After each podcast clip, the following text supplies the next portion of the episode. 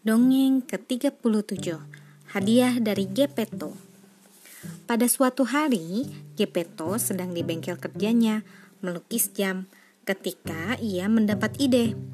Aku tahu akan kuapakan batang kayu pinus yang baru ketemukan itu, katanya pada kucing kecilnya Figaro. Aku mau membuat boneka kayu yang sangat bagus. Ia meletakkan jam tadi dan mulai bekerja. Ketika sudah selesai membuat boneka itu, ia mengeluarkan botol-botol cat dan beberapa potong kain.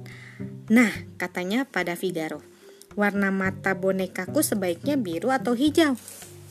Rambutnya sebaiknya kuning, coklat, atau hitam. Gaunnya sebaiknya merah atau ungu. Tiba-tiba Gepetto mendengar suara ribut di luar. Ia beranjak ke jendela dan melihat sekelompok anak dalam perjalanan pulang dari sekolah. Gepetto melihat mereka tertawa dan berteriak-teriak sambil mengayun-ngayunkan buku. Ia mendesah sedih. Betapa inginnya aku punya anak sendiri, katanya. Saat itu, ia melihat seorang gadis cilik berjalan diam bersama ibunya. Ketika kelompok anak perempuan melewatinya, ia menatap mereka dengan malu-malu. Anak perempuan itu pasti baru pindah ke kota ini. Tampaknya ia butuh teman, kata Gepetto. Tiba-tiba ia mendapat ide. Maaf nak, panggilnya dari jendela. Bisakah kau menolongku? Anak perempuan itu segera menghampiri sambil menarik-narik ibunya agar ikut. Wah, undangan ke bengkel Gepeto asik sekali. Seperti yang bisa kau lihat, temanku ini membutuhkan mata, kata Gepeto sambil menonjok boneka tadi. Tapi aku tidak tahu warna matanya sebaiknya apa, Anak perempuan itu berpikir dengan serius. Hijau, ia memutuskan. Gepetto mengambil botol cat hijaunya dan melukis dua mata hijau besar pada wajah kayu itu.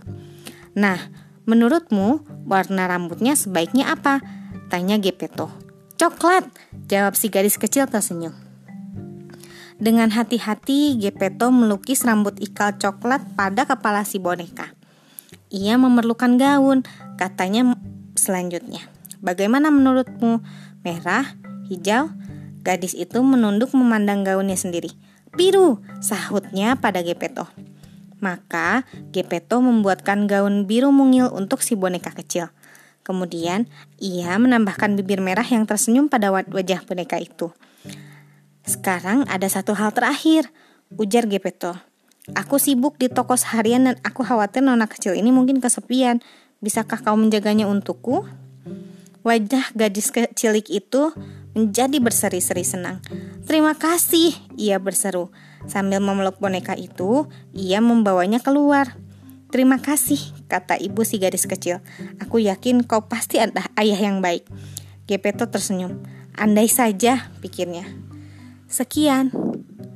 Terima kasih telah mendengarkan. Selamat malam.